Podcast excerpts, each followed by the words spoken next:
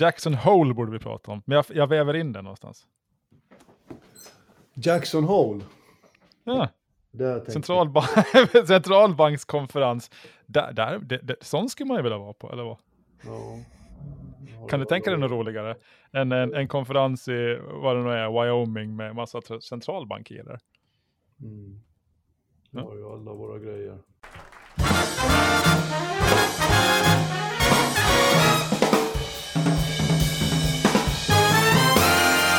Hej alla våra kära vänner där ute och välkomna till eh, podd nummer 42 som Ålands Handel ger ut.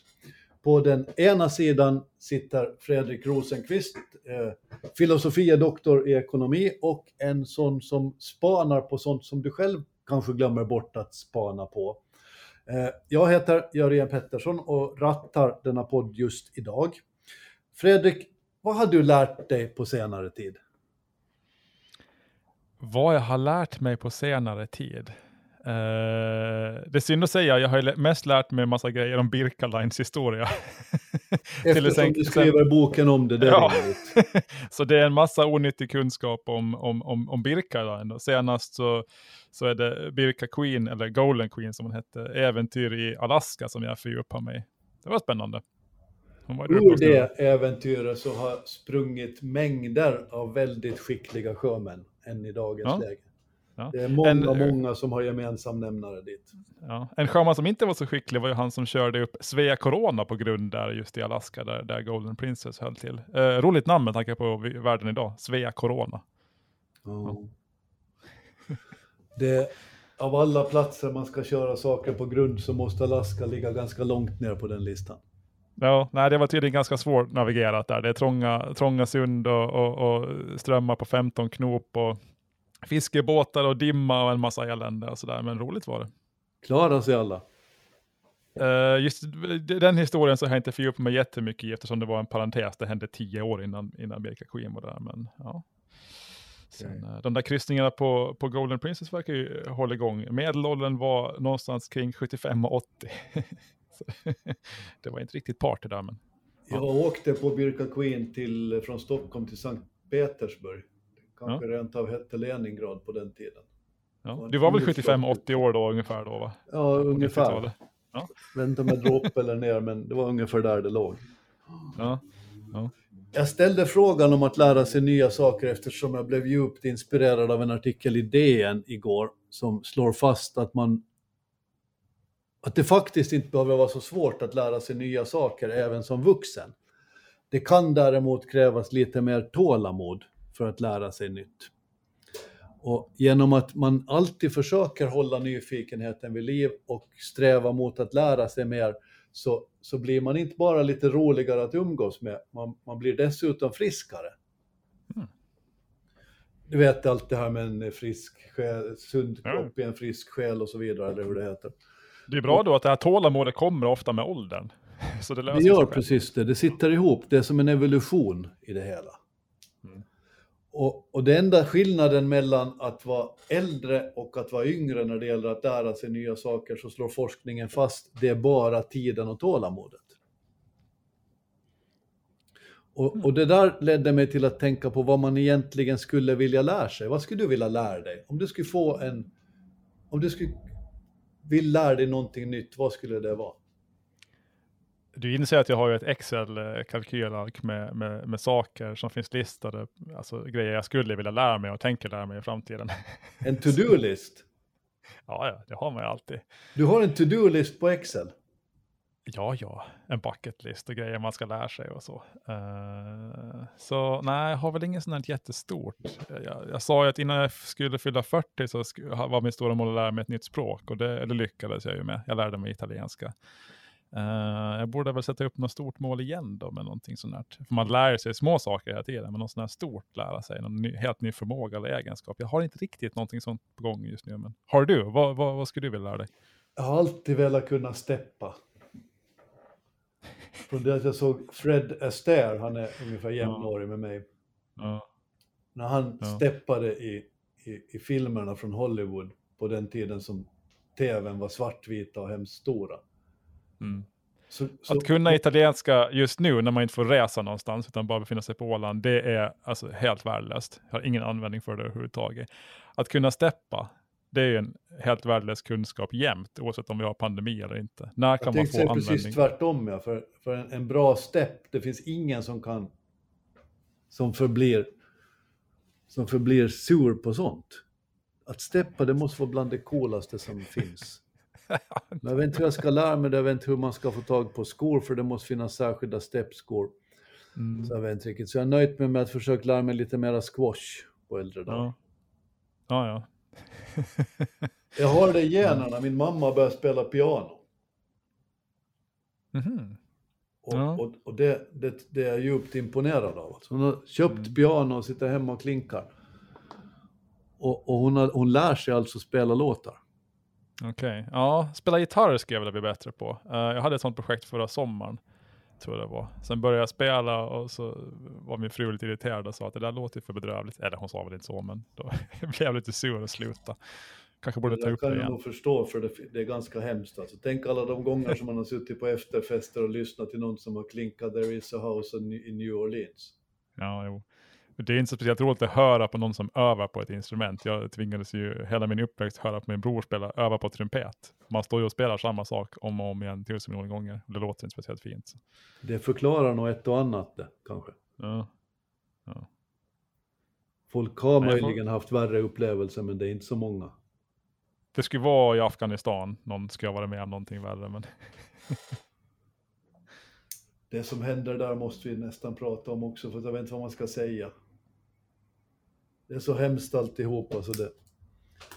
Jag tänkte faktiskt att vi skulle prata om det kort. Vi kan ta det nu direkt. Alltså, varför, varför väcker det här med flyktingmottagning så mycket debatt? Varför blir folk så arga? Varför, blir, finns det så mycket, varför blottas det så mycket hat när det kommer till om man ska ta emot flyktingar från Afghanistan eller inte? Jag har faktiskt funderat mycket på det. Vad är det som gör att man, att så många finner det så, så omöjligt att göra det, att man inte längre bara nöjer sig med att säga nej, utan också går in på egenskaper som dessa tänkta människor eventuellt har eller inte har. Vad, beror det på? Varför, varför finns det så, varför skapar det så mycket känslor det där? ja, det är en bra fråga. Uppenbarligen finns det väldigt många människor som känner väldigt starkt för den här frågan. Och, och det yttrar sig i, i de här sakerna. Sen är det så här, varför känner de så väldigt starkt för den här frågan? Varför har de gjort den här frågan till en av de, den, ja, det viktigaste i deras liv och, och någonting som de använder till att förklara både det ena och, annan, ena och det andra? Det har jag faktiskt ingen aning om. Um, Jag tror att det kan ha att göra med att det är en ganska enkel fråga att hantera. Inflation förstår ganska få. Eh, världsekonomi är omöjligt. Man vet inte vad som finns i korv. Eh, man kan däremot ganska enkelt tycka till om man ska ta emot en familj från Afghanistan eller inte. Det blir Mm. liksom att eh, koka ner i, ett, i en förenklad världsbild.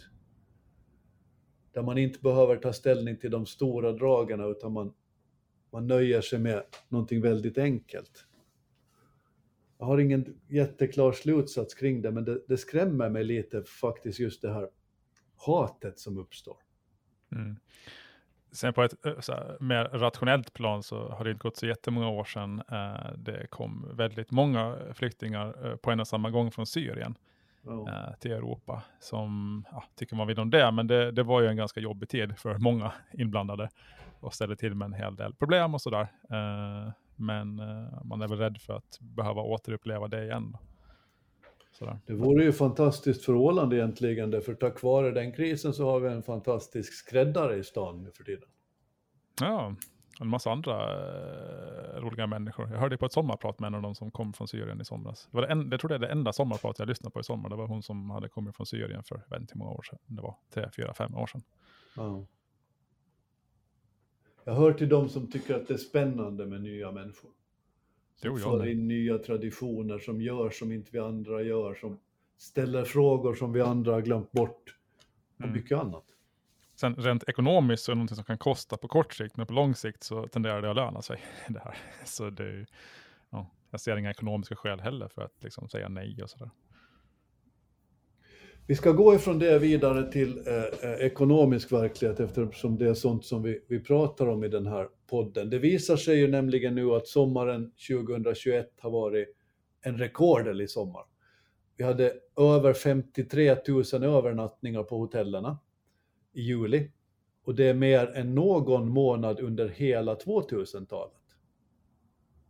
Förra toppen låg på 51 000 som inföll 2015, 16 och 19. Däremellan så är medeltalet 43 000. Det här är då undersökningar som alldeles nyligen har kommit från ÅSUB.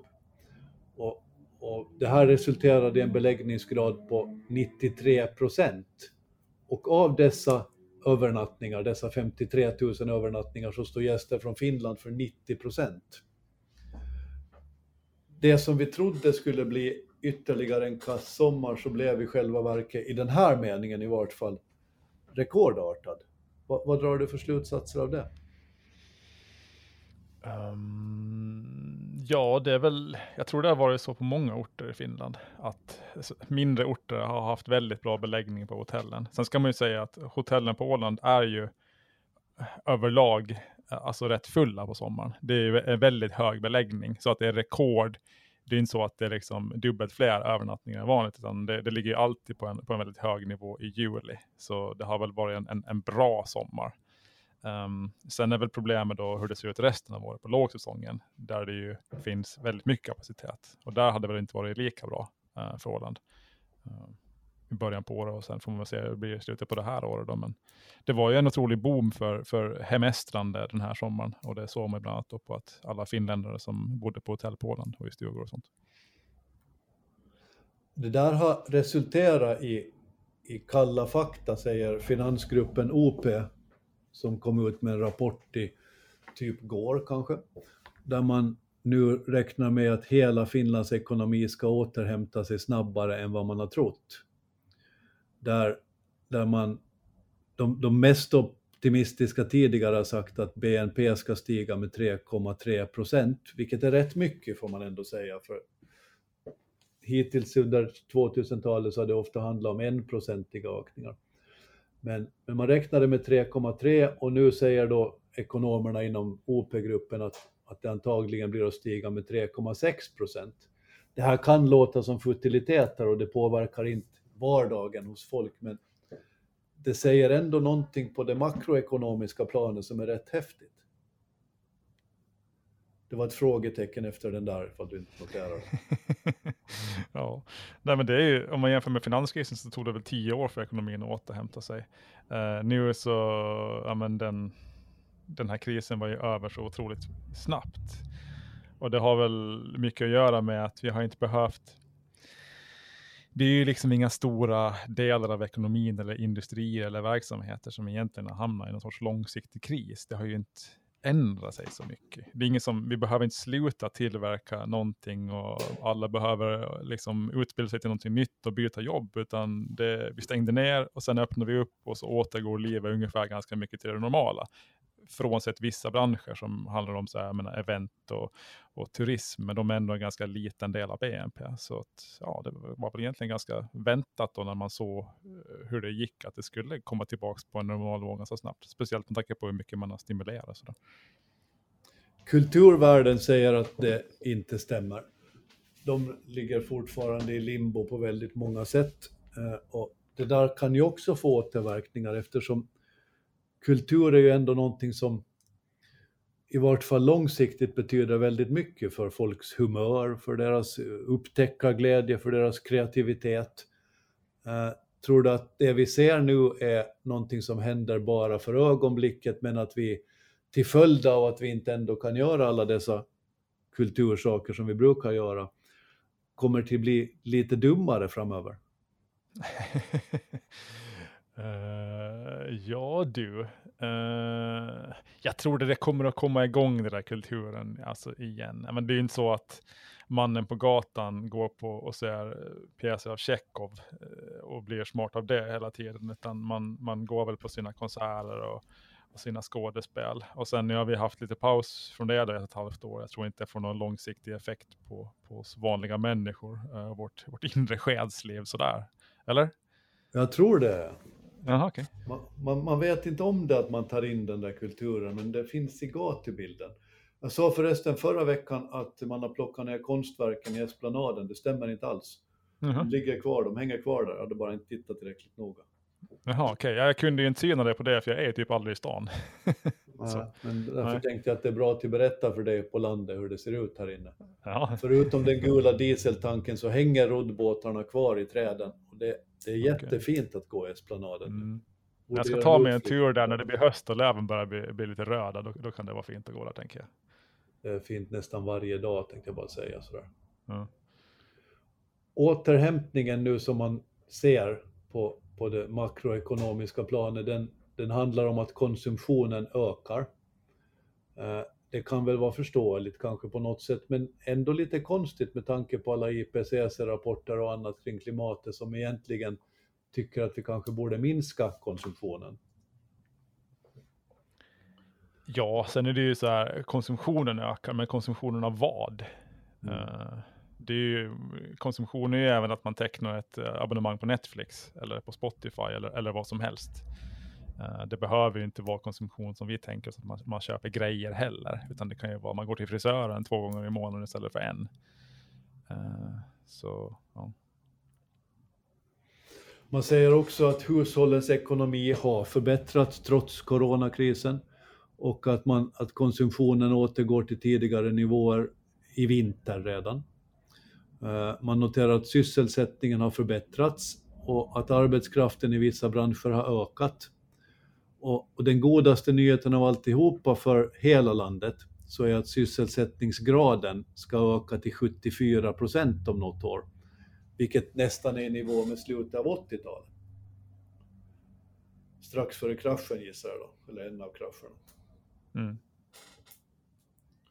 Så alldeles tydligt så har det att folk vill göra mera resultera i fler arbetsplatser. Mm, så är det. Ändå så kan man inte få vara glad hela tiden, för det, man slår också larm, inte från OP-gruppen utan från andra, att produktiviteten i hela världen uppges minska. Mänskligheten inte längre utvecklar nya och effektiva sätt att producera varor och tjänster i samma takt som förr. Eh, man investerar inte i ny teknologi så mycket som skulle behövas för att vi ska sluta använda fossila bränslen. Och I Finland så växer antalet investeringar till och med långsammare än i andra länder. Vad, vad kan det bero på? Då? Det är som att de här siffrorna inte riktigt pratar samma språk. Nej, det, det kan handla om ett mätfel. Det här kan bli ganska tekniskt, men man försöker ju mäta alltså produktiviteten i en ekonomi. Det vill säga hur mycket resurser går åt att tillverka va, någonting som är värt någonting visst. Problemet är ju att när man befinner sig i en, en, modern ekonomi och i ett tjänstesamhälle så är det ju ganska svårt att mäta prioriteten kan jag tänka mig, för det är så svårt att, att värdera någonting som är i botten väldigt subjektivt. Alltså mäta produktiviteten i en fabrik som tillverkar muttrar, det är ganska enkelt. Hur många tim arbetstimmar och mycket råmaterial går det åt att tillverka en miljon muttrar? Men när vi har en produktion som består av att skapa digitala tjänster och liksom, vad vet jag, alltså göra filmer eller, eller allt sånt. Hur mäter man det? Jag menar, hur, hur mäter du det värde som, om vi gör bättre filmer, hur mäter du det? Du kan inte räkna braheten av en film samma sätt som du mäter braheten av en mutter som är en ganska standardprodukt. Sådär. Um, ehm, så det är ganska svårt att mäta det där, hur mycket effektivare och hur mycket ny teknik vi investerar i när det handlar om den här nya digitala ekonomin. Och det är väl ganska fel att säga att vi inte investerar i ny teknik. Jag menar, det är ju bara att gå tillbaka tio år i tiden. Jag menar, mycket av det som utgör alltså majoriteten i vår ekonomi existerade inte ens för tio år sedan. Som Facebook och Instagram och, och Amazon. Och de, var ju, de, de fanns knappt för tio år sedan. Uh, så det har ju gått otroligt fort. Men det har inte gått fort på det sättet att vi kanske har haft köpt bättre maskiner för att tillverka grejer med. Uh, och så. Men, och sen också det här med förnyelsebara energikällor har ju också vuxit rekordartat de senaste tio åren. Så jag vet inte. Nej, den där rapporten gav inte mycket för. Ja, det kan hända att den var lite för negativ. Det var mera, jag fick den där känslan som de gamla romarna sa det, att ungdomen nu för tiden gör ingenting och det ser dåligt ut och då inte orkar de och inte de arbetsvilliga och de är egentligen bara festar och gör ingenting annat. Så där har man alltid sagt. Och lite den känslan fick jag när jag läste det där. Men sen går det ofta i väldigt långa cykler. Alltså man kan tala om 40-åriga cykler och det, man kan spjälka upp dem i 20-åriga cykler. Att när det kommer nya tekniker och nya innovationer så investeras det väldigt mycket i dem och i början så leder det inte så mycket produktivitetsförbättringar. Man sa till exempel när liksom internet kom där i mitten på 90-talet alla skulle bli digitala, man ska ha internet och det enda det gjorde var att det skapade massa merarbete. Det ledde inte till speciellt mycket effektiviseringar. Så man var ju så här att det här kommer ju bara på sikt. Det, är liksom, det här är ju misslyckat. Uh, och sen när det la sig lite grann då mitt i allt så ledde det här till enorma fördelar för alla bolag. Och idag att påstå att den här digitaliseringen inte har inneburit att företag har blivit effektiva, det skulle ju vara befängt att påstå. Men på 90-talet så förde man en sån diskussion att det här egentligen bara skapar mer jobb utan att vi blir effektivare. Oh en så här konsolideringsfas när en teknik blir mer mogen. Uh, så är det väl mycket nu med så här, det som är igång inom AI och robotisering och sånt. Uh, men det finns ju ett stort investeringsbehov i, i alla typer av maskiner. USA har ju den, den mest föråldrade maskinparken inom jordbruk på evigheter, så att det behöver nog ske väldigt mycket där. Och där tror man att det ska komma mycket ny, nymodigheter med ja, mer satellitstyrning och, och, AI och sånt, så det kan nog hända ganska mycket där som sätter pre, prispress på matpriser och sånt som gör det effektivare. Så att så nej, utvecklingen fortsätter. Man säger att konsumtionen ökar i Finland och så är det antagligen över hela världen och det där syns ganska tydligt om man går till sjöfarten där priset på containertransporter är rätt upp i taket för ögonblicket. Får man tag på en, en containertransport så kostar många, många gånger mer idag än vad det gjorde före pandemin. Och det där är väl någon slags följd färg eftersom folk vill köpa mera grejer. Och det finns bara ett begränsat antal containrar i världen. Det här blev tydligt när Evergiven satte sig på tvären i Suezkanalen i mars om du kommer ihåg. När alla trädgårdstomtar blev kvar där. Ja, den, den, den, var ju på väg igen genom uh, Suezkanalen, Evergiven, den, den, för några dagar sedan. Jag hoppas det gick bra den här det gången. Gick bra. Jag kollade upp det, det gick bra, den klarade sig de, den var ju fast där, det där fartyget i eviga tider för att de var på sträd om vems fel det egentligen var, vem skulle betala och allt det där. Ja. ja. Försäkringsbolagen började brottas. Den gick söderut genom Suezkanalen här om dagen och allt gick bra. Trots mm. att Suez Canal Authorities var, var nervösa. Mm. Men det, det, är en sak som driver den här inflationen är att det här, den här arma containerproblematiken världen över som, som började väl i princip med corona när massa hamnar i Europa stängde och det var liksom alla container var på fel ställe. Och nu stänger de väl ner alltså hamnar i Kina eh, hela tiden som skapar ett ytterligare problem. Och att det är någon sorts global brist på container. Så att, och det blir ju inte direkt billigt att skeppa varor hit. Så att, Ändå så är det konstigt för, för när man ser till, till oljepriser så är det väldigt lågt just nu, historiskt lågt. Frakterna för oljetankers är historiskt låga och har varit jättelåga länge. Och alla går bara och väntar på att det snart ska eh, åka uppåt, men det gör inte det, trots att det finns en sån efterfrågan på transporter då, till exempel containrar. Nu behöver inte det sitta ihop hela vägen, men men om man slår fast att oljan är, den är världens mest handlade råvara och antagligen världens mest hatade, så, så blir man att fundera på, med tanke på hur priset är, alltså det, nu ligger Brent-priset, det är en sån här indikator som finns inom shippingvärlden mest, den ligger på 62, 62 dollar per fat. Eh, det, det, är en halvering jämfört med för några år sedan. Och då blir man att tänka så här, är det här slutet på oljan som drivmedel som vi ser nu? Är det början på slutet? Eller hur ska man riktigt tänka kring det? Ska man köpa en bensinbil ännu? uh, jag är ju mer sugen på en elbil då. Jag har, jag har en liten bensinare. Uh, nej, men jag hoppas väl för planetens framtid att det är slutet, början på slutet för, för, för oljan. Uh, Sen används ju olja till mycket mer än att bara driva fartyg och bilar. Det används ju inom man gör plast av det och massa olika saker som, som vi behöver fortfarande. Eh, sen tror jag inte man kan koppla liksom oljepriset till just efterfrågan på containrar. Problemet med containrar är att det finns för få containrar och för få hamnar som kan just nu hantera den här containertrafiken. Man skulle köra, kunna köra betydligt fler containerfartyg om det bara fanns kapacitet till det. Så det gör ju snarare i sin tur att efterfrågan på fartygsbränsle blir lägre för att man, ja, man, sku, man kan inte köra så mycket man har, skulle vilja. Helt enkelt. Vad, hur avgörs oljepriset? Vem bestämmer att det plötsligt blir 62 dollar istället för 124? Utbud efterfrågan. Rätt Den som har olja och den som vill ha, vill ha olja, de, de måste enas om ett pris helt enkelt. Sen är de här, när man pratar om oljepriset, så det, ju, det finns ju en himla massa olika oljepriser. Alltså det är ofta terminspriser. Vad, vad är någon billig på, för att betala för ett fat eh, Brent eh, Nordsjöolja som levereras om en månad eller två månader eller sex månader. Eh, och man ska kanske inte blanda ihop det här med, med vad man betalar i, ja, för olja när man ska fylla sin, sin, sin vad heter det, oljetank hemma till sin, sin eh, oljepanna.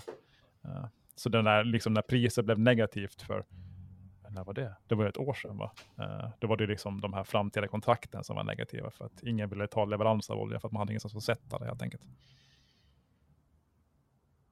Det här leder oss kanske till att lite prata färgtrafik också, för på fredag så går Silja Symphony tillbaks som parhäst med systern Silja Serenade på rutten mellan Helsingfors, Åland, Stockholm.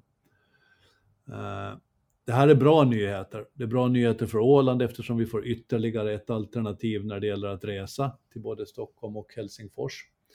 Eh, Viking Line nöjer sig än så länge med ett fartyg på linjen Gabriella sedan de sålde Mariella. Eh, men eh, man har nu bestämt sig för att bjuda ut Amorella som går på Åbo-linjen och som ska ersättas av Viking Glory som just nu byggs i Kina. Så trots att vi nu ser tillbaks på den mörkaste tiden i sjöfartens historia, tror jag man kan säga, i vart fall den historia som vi är medvetna om, så verkar man nu skönja morgon, morgongryning igen. Vad är din slutsats kring det? Är det, är det på väg alltihopa på nytt nu? Svårt att säga. Man vill ju, man vill ju säga siffrorna. Hur, hur, hur liksom gick sommaren för rederierna hur tänker de framåt innan man, man, eh, man, man uttalar sig för mycket. Eh, det är klart det måste ha åkt färre människor än vanligt fortfarande den här sommaren. Jag kan inte tänka mig något annat. Och sen också vilka kostnader har man? Man har ju mindre personal men det är en massa andra krångel. Massa andra krångel. Och sen får man ju även stöd och sådär så det, jag tror det är för tidigt att säga nu vart det här barkar och sådär. Men jag har väl svårt att tänka mig att vi kommer att ha lika många fartyg i trafik ja, men säg om ett år som vi hade innan pandemin. Även fast det ser mer lovande ut nu än vad jag trodde eh, tidigare. Men ja. Det där är väl någonting som vi alla lite till mans går och funderar på. Det, att det, det, det verkar inte vara så eländigt som man trodde, men det kan ju å andra sidan vara yta också som vi ser. Ja, Jag trodde ju att, att om, man, om man tar de rederierna som trafikerar Åland, jag trodde att ett skulle försvinna. alltså Ja. permanent. Eh, nu, nu tror jag inte det längre. Så det blev ju det blev inte fullt så farligt som jag hade trott egentligen. Men ja, det är ju inte slutet nu riktigt. Jag tycker att det var väldigt goda nyheter, för, för det här betyder nu, även om det är, är Tallink Silja som gör det och inte ett åländskt alternativ, vilket naturligtvis hade varit bättre, så, så visar det ändå att man tror på framtiden och istället för att lägga upp fartygen så ser man till att de i vart fall är i trafik. Och med tanke på det här nu som händer eh, med hemestrandet i Finland och vi ser att det finns ett stort, stort behov av att resa, så verkar det ju nog finnas en efterfrågan som, som man borde kunna dra nytta av. Mm. Och det har ju Själv hoppas jag att, så som eh, optimisterna trodde. Ja, själv hoppas jag att eh, Birka Stockholm, eller vad den heter, ska, ska börja att gå igen. det skulle vara lite synd för min bok i och med att jag hade tänkt att liksom, nu, nu är historien slut, då kan man skriva den historien. Men samtidigt så längtar jag efter att få åka på en liten spakryssning. Det skulle, det skulle göra min själ gott. Jag är helt säker på att det finns rätt många rederikontor som just nu sitter och räknar på det där. ja, ja, inklusive säkert det rederikontor som äger fartyg. Helt säkert. Alla Ja, sitter och funderar på vem vet, jag får skynda mig att skriva klart boken innan, innan, innan den börjar gå igen för någon. Eh, gäller fortfarande att den ska komma ut här i, no, nej vad var det för dag? Eh, uh, Birka Line skulle ha fyllt 50 år, den, eller jungfruturen med första prinsessan ägde rum den 21 november 1971. Så den 21 november 2021 så är det exakt 50 år sedan den första resan med ett Birka-fartyg ägde rum. Jag vet att uh, de här Birka-seniorerna som fortfarande är aktiva, de ska fira det här med en kryssning på Grace tror jag det var. Så jag skulle hemskt gärna vilja hinna klart med boken före det här då, 50-årsdagen och det, det ser ut att hålla. Uh, boken är beställd nu hos tryckeriet så att den, uh, nu finns det en deadline så den kommer till Åland förmodligen i slutet på oktober om allt går väl. Har du fått bilder så att du är nöjd? Mm, nej, jag är aldrig nöjd. Bra. Så det är en uppmaning till alla. Om ni sitter på unika Birka-bilder, hör av er. Ja, gärna från uh, Birka Princess-åren ombord, hur det var där. Uh, lite dåligt med bilder därifrån. Jag hittar riktiga skatten när det gäller den, den gamla prinsessan, alltså nu pratar vi 70-talet. Där gick det vilt till, kan jag säga. Jag ja, alla bilder lämpar sig inte för boken, om man säger så. Birka Princess, finns det några nyheter kring den då? Där den ligger nu för tiden. Den som ligger på havets botten menar du? Ja. Jag vet inte. Det kommer lite nyheter då och då att de ska bärga den, men det verkar aldrig bli av. Julen rullar långsamt där i Grekland. Det är säkert fyra år sedan de sa att nu är det klart, den ska bärgas. ja, för, ja, ja, jo. Och sen hände ingenting. Mm, ja, det var nog... Det måste ha varit hemskt för de som jobbar så många år på det fartyget och så tyckte väldigt mycket om det och se det sjunka på det sättet. Ja. Det är som att säga att hus man har bott i sitt liv brinner upp kan jag tänka mig. Det måste vara hemskt på så många sätt. Det mm. märker jag på folk som man träffar som har seglat ombord på den och nu vet att den ligger på botten. Mm. Uh, någonting som inte ligger på botten och som vi nu ska prata om är något vi diskuterade mycket här i vintras, nämligen schack. Uh, då uh, outade du att du gick in i Play Magnus Eh, mm. ägt av Magnus Carlsen, schackvärldsmästare, eh, numera nöjesentreprenör och mycket annat. Hur har det gått, det är jag nyfiken på. Ja, jag är ju en sån person eh, som har en förmåga att uppfatta trender när de håller på att hända.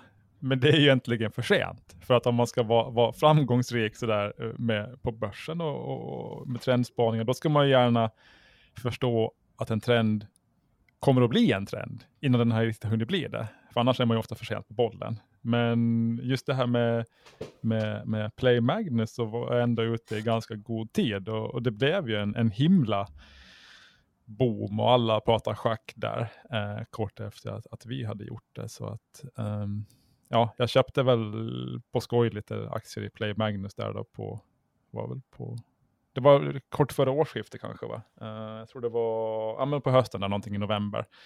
Sen, sen exploderade de, de steg med 100 procent där. Uh, så ja, när det blev januari, de hade stigit 100 procent, då sålde jag allt. Du gjorde det, så du, du gick ur Play Magnus? Jag gick ur Play Magnus. Det var inte, jag sålde inte riktigt på toppen, jag sålde lite före toppen och sen sålde jag resten lite efter toppen. Så det var väl, de hade gått upp 80 procent tror jag. Men där då såg jag väl att jag är i grund och botten en sån här som man kallar för värdeinvesterare. Jag försöker köpa saker som är billiga och sen sälja dem när de är dyra. Uh, så jag tyckte det var alldeles för dyrt där och sålde helt enkelt. Um, och hör och häpna så, så har den ju kraschat sedan dess då, så att Även en blind hörna. Kraffa, jag tror att jag tittar på den där att den ligger 12 procent upp sedan lanseringen. Det är ju inte så illa det. Jo, jo, men det är ju, jag sålde den när den var 100% upp. Ja, visst, men 12 uh, så den har ju liksom, på ett år är ju liksom dåligt det heller. Jag sålde den när den låg på amen, runt 40 kronor. Nu ligger den runt 20. Uh, eh, så den har ju halverats sedan dess. Då, sådär. Så jag vet inte, men jag fick lite känslan också av, jag har ingen aning, men då kände jag så att oh, det kommer bli en, som en ny pokerboom fast med schack. Alla kommer börja spela schack. Eh, till och med jag börjar spela schack. Men det kändes som att den där lite grann dog ut. Jag vet inte om... Schack är ju väldigt svårt. Det är inte som poker att man kan lära sig på fem minuter. Utan man måste hålla på och öva i hundra år. Så antingen så kanske det kommer en schackboom men det tar liksom länge innan folk har blivit duktiga och börjar spela på riktigt och sådär. Eh, eller så var det bara en liksom väldigt kort fluga som blev av den där serien, Queens Gambit. Eh, jag vet inte riktigt. Och sen var det också det här med Play Magnus, att de, de här chess.com är otroligt dominerande. Sådär. Alla spelar ju schack där, så de har ju lite svårt. Och det är ju någon sorts, jag vet inte, det är väl någon ideell grej nästan tror jag. Uh, så de har väl lite svårt att konkurrera med dem kanske. Så att, nej, jag, jag, jag, jag tackar för, för, för kaffet när det gäller Play Magnus där i, i januari och var nöjd och glad med det. Har tagit pengarna och gjort, gjort andra dåliga affärer. Så de skulle egentligen ha passat bättre att ligga kvar där förstås? Där nej, nej, det har, nej, nej, absolut inte. Ja, det, jag var nog, det var nog en av mina mest lyckade affärer någonsin det där. Jag vet att uh, Anders Wiklund har sagt att hans affär i Birka där han tjänade 100% på, på var det fem månader var hans bästa någonsin. Så att, att en aktie går upp 100% på två månader, det är ju jättebra. Så jag är nöjd. Vad är nästa spaning då? Ifrån tankesmedjan eh, bak i Finströmsskogen. ja, jag tycker, ja. Det var så roligt det där med Play Magnus, för jag, hade en, jag trodde att det skulle bli en boom kring schack. Och så fort jag sa det, då var jag ju tvungen att, att köpa aktier och det. För man kan ju liksom inte, om man tror på en, en, en trend att det här kommer att slå, då måste man ju sätta egna pengar på det på något sätt. Annars så snackar man ju bara skit. Liksom. Annars, antingen så tror du inte på det själv, eller så är du bara dum om du tror på någonting och inte agerar efter det. Uh, så omvänt så har jag så här svårt att snacka om trender som jag tror på, men sen så bara, nej, men jag satt, vågar inte satsa några pengar på det. Så att just nu är jag mer så här, uh, ganska så här försiktig av mig och, och, är mer inne på att det kommer att bli någon sorts allmän nedgång. Så jag sitter hemma på kammaren och köper läkemedelsbolag och, och så här ädelmetaller som jag tycker blir billigare och billigare jämfört med börsen. Så jag är lite så här, ja, feg och tråkig just nu. Blankar Exxon? Um, nej, jag blankar inte. Det är för, för riskabelt för mig. Kan du säga, om, om jag ställer en sån här fråga, uh, säg en, en, en verkmedicin, bara top of mind. Aspirin. Ah, Okej, okay. fel. fel. Burana. ju bra! de har jag köpt. De som, de som har uh, trademark på Burana, uh, Orion, finska Eh, lä läkemedelsbolag. Otroligt defensivt och tråkigt. De gör Burana och lite sådana här miljövänliga inhalatorer och någon prostatacancermedicin. Och de har ju liksom, jag vet inte hur många herrans procent av marknaden i Finland. Jätte, jätte, jättestor. Så här, riktigt eh, tråk, tråkigt. Men det, sånt kör man på nu. Är det, ett, är det en trend i tiden efter pandemin då, att man tänker mer på sin hälsa och tänker mer på mediciner och kanske rent av köper mm. mer grejer? För tiden, ja, de har ju haft tufft eh, så här, under pandemin. Folk har ju inte gått till apoteket lika ofta, för man vill väl inte träffa folk då, så det har ju varit svårt med försäljningen i, i, i apotek. Folk har köpt färre mediciner och folk har ju gått mindre till läkare också, så, där, så att de har ju haft det tufft. Men sen är det liksom, ett enkelt sätt att försöka hitta framtida trender och försöka liksom hoppa på någonting som inte är en trend nu, men kanske blir det i framtiden, det är att hoppa på någonting som är hatat nu, som ingen vill ha. Som är så här, så ute så det bara kan bli. Då kan du tänka dig att om det är ute, så ute det bara kan bli nu, med lite tur så kanske det blir en trend i framtiden. Och just så här läkemedelsbolag och, och ädelmetaller och sådana, jag menar sådana som bolag som Orkla som gör mat ingen vill ha dem just nu. De är hatade av alla. då tänker jag, det betyder jag... att man borde gå tungt in i oljebranschen nu?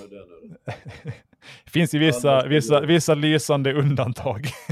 jag fick faktiskt den frågan när jag var med i Stil FM förra veckan, man borde satsa på oljebolag, men nej. Problemet är att alla deras tillgångar består av olja som vi inte kan använda, för då går planeten sönder, så att nej. Jag tror mer på Buranans framtid. Uh, schack så har kanske inte lyft på det sättet som vi trodde att det skulle lyfta, men, men om man lite trendspanar så noterar jag att stormästaren från Sverige, Pia Kramling, tillät sommarprata i Sveriges Radio i år. Eh, vilket var rätt ovanligt och inte bara ovanligt på det viset att man släppte fram en stormästare i schack, utan dessutom att hon faktiskt bara pratade schack.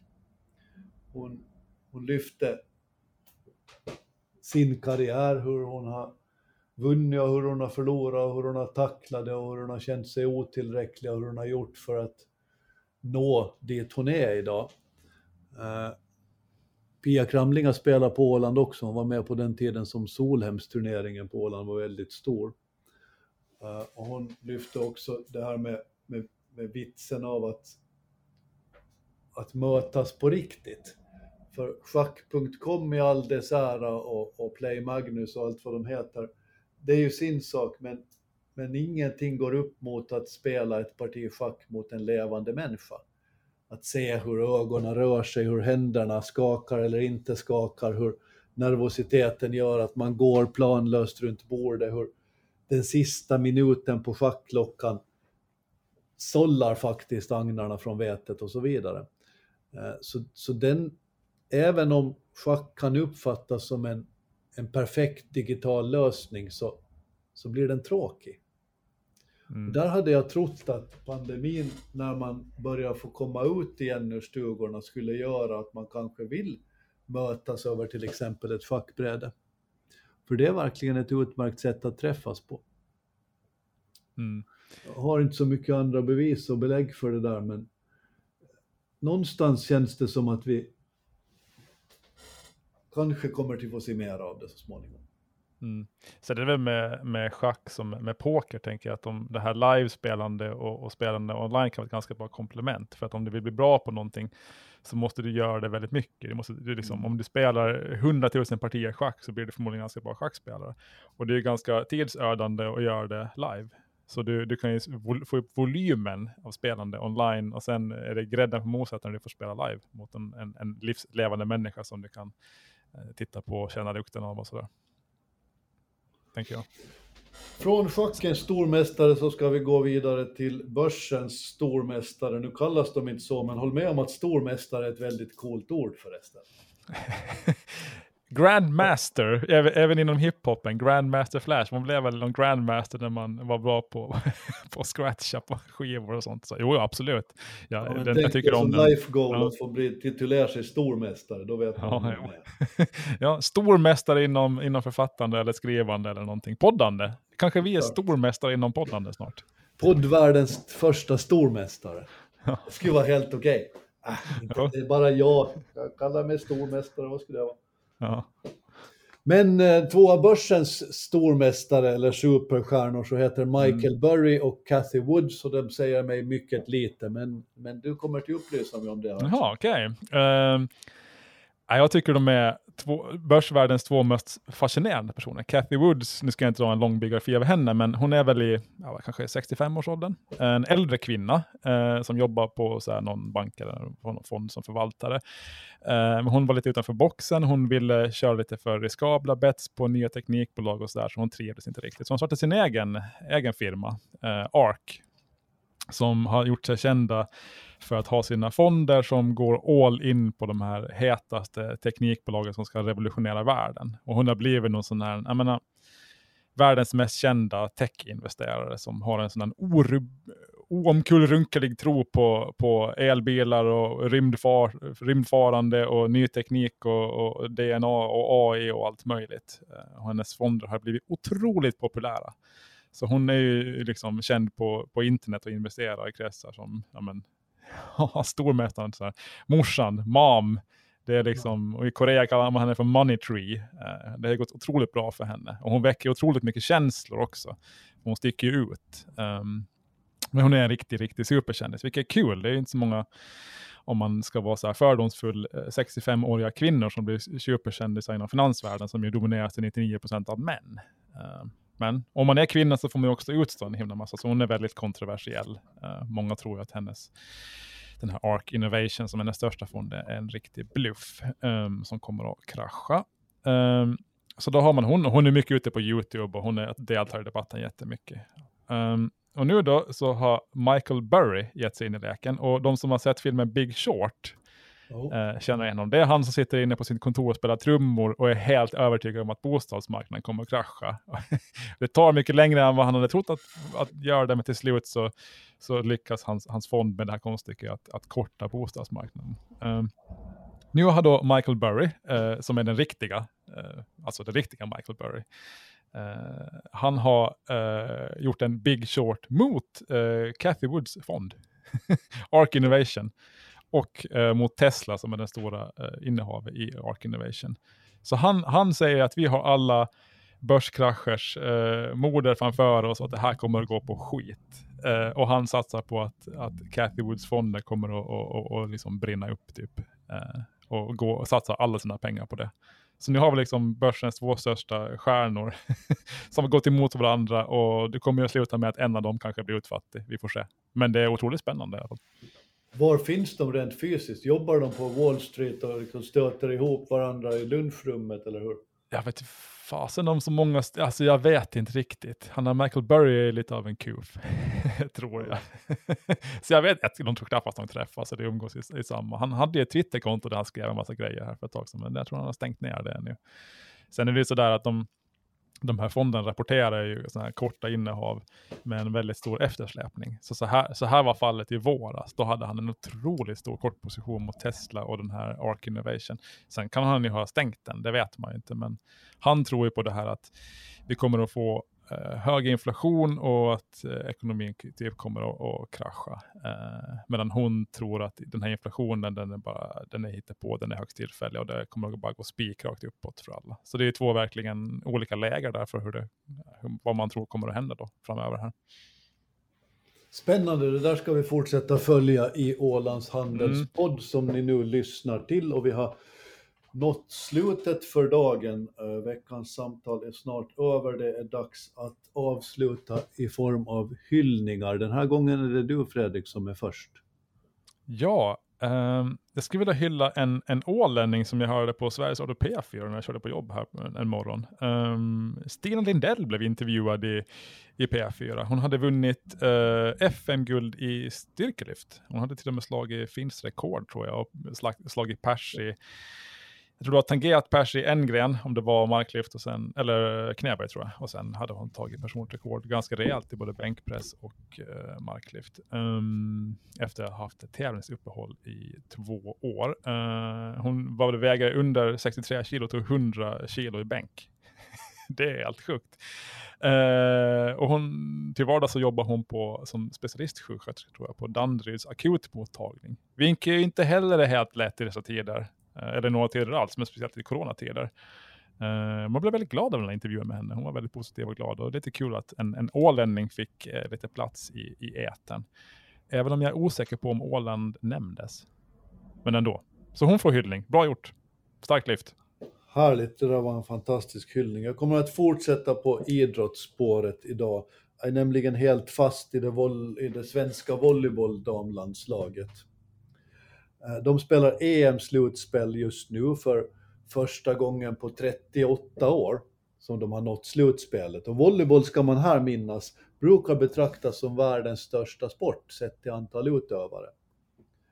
Det gäller inte på våra breddgrader för här är inte volleyboll särskilt stort, tyvärr. Eh, nu har jag själv en bakgrund i sporten och det är en underbar sport på väldigt många sätt hur som helst, Sverige mötte Finland i den första matchen och låg under med 2-0 i set men vann med 3-2 efter en helt häpnadsväckande upphämtning. Eh, det där följde man sen upp genom att eh, eh, slå, att ta ytterligare en, en seger och efter det så har man nu fått två förluster men man ska spela igen imorgon tror jag. Och jag tycker att Eh, man möter då Holland i den sista matchen i gruppspelet och man bör fortfarande ha goda chanser att gå vidare trots två förluster. Och det här är alldeles otroligt faktiskt. Man visar att en liten nation med spelare som är utspridda över stora delar av Europa där de spelar proffs kan samla sig och stå upp mot världsartister i denna sport. Så all hyll till Sveriges volleybolllandslag och en rekommendation att se nästa match. Det är värt det. Hmm. Jag kom på en till hyllning. Jag skulle vilja hylla att jag har fått min andra coronavaccinspruta. Det känns har jäkligt nice. Den? Ja, Bra. och jag, jag, jag, har en sorts lust att gå ut på stan och typ, men, slicka på alla lyktstolpar och liksom peta mig i ansikte och krama folk och, och göra allt det där som man inte ska ha gjort de senaste åren och sådär. Det känns uh, väldigt uh, så befriande uh, och bra. Grattis, det var roligt att höra. Du säljer dig till uh, fint sällskap. Donald Trump gick häromdagen ut och rekommenderade sina anhängare att vaccinera sig och världen ja. stod i chock. Ja, jaha. Ja. Han har sagt eh, gå och vaccinera er. Ja, Sen tillade kan... han att det är ju förstås ert eget val och bla bla bla bla, men, men innebörden var gå och vaccinera. Ja, jag kan rekommendera det. det man, man, drabbas av en väldigt härlig känsla när man fått den där sprutan och inser att snart kanske jag kan börja eh, typ gå runt eh, på stan utan att behöva vara rädd. Sådär. Så ja. Det håller på händer, vi håller på att gå tillbaka till det normala. Mm, så om två veckor ska jag gå runt och slicka folk i ansiktet på stan. Nej, det ska jag inte göra. Det ser vi fram emot. Vi eh, återkommer nästa vecka med eh, spaningar ifrån omvärlden och eh, inifrån och utifrån och överallt. Ni ska ha tack för att ni har lyssnat på oss idag och vi hörs nästa vecka igen med alldeles splitter nya tips om hur man ska göra för att klara sig mot framtiden. Mm, tack och hej! Tack för att ni har lyssnat.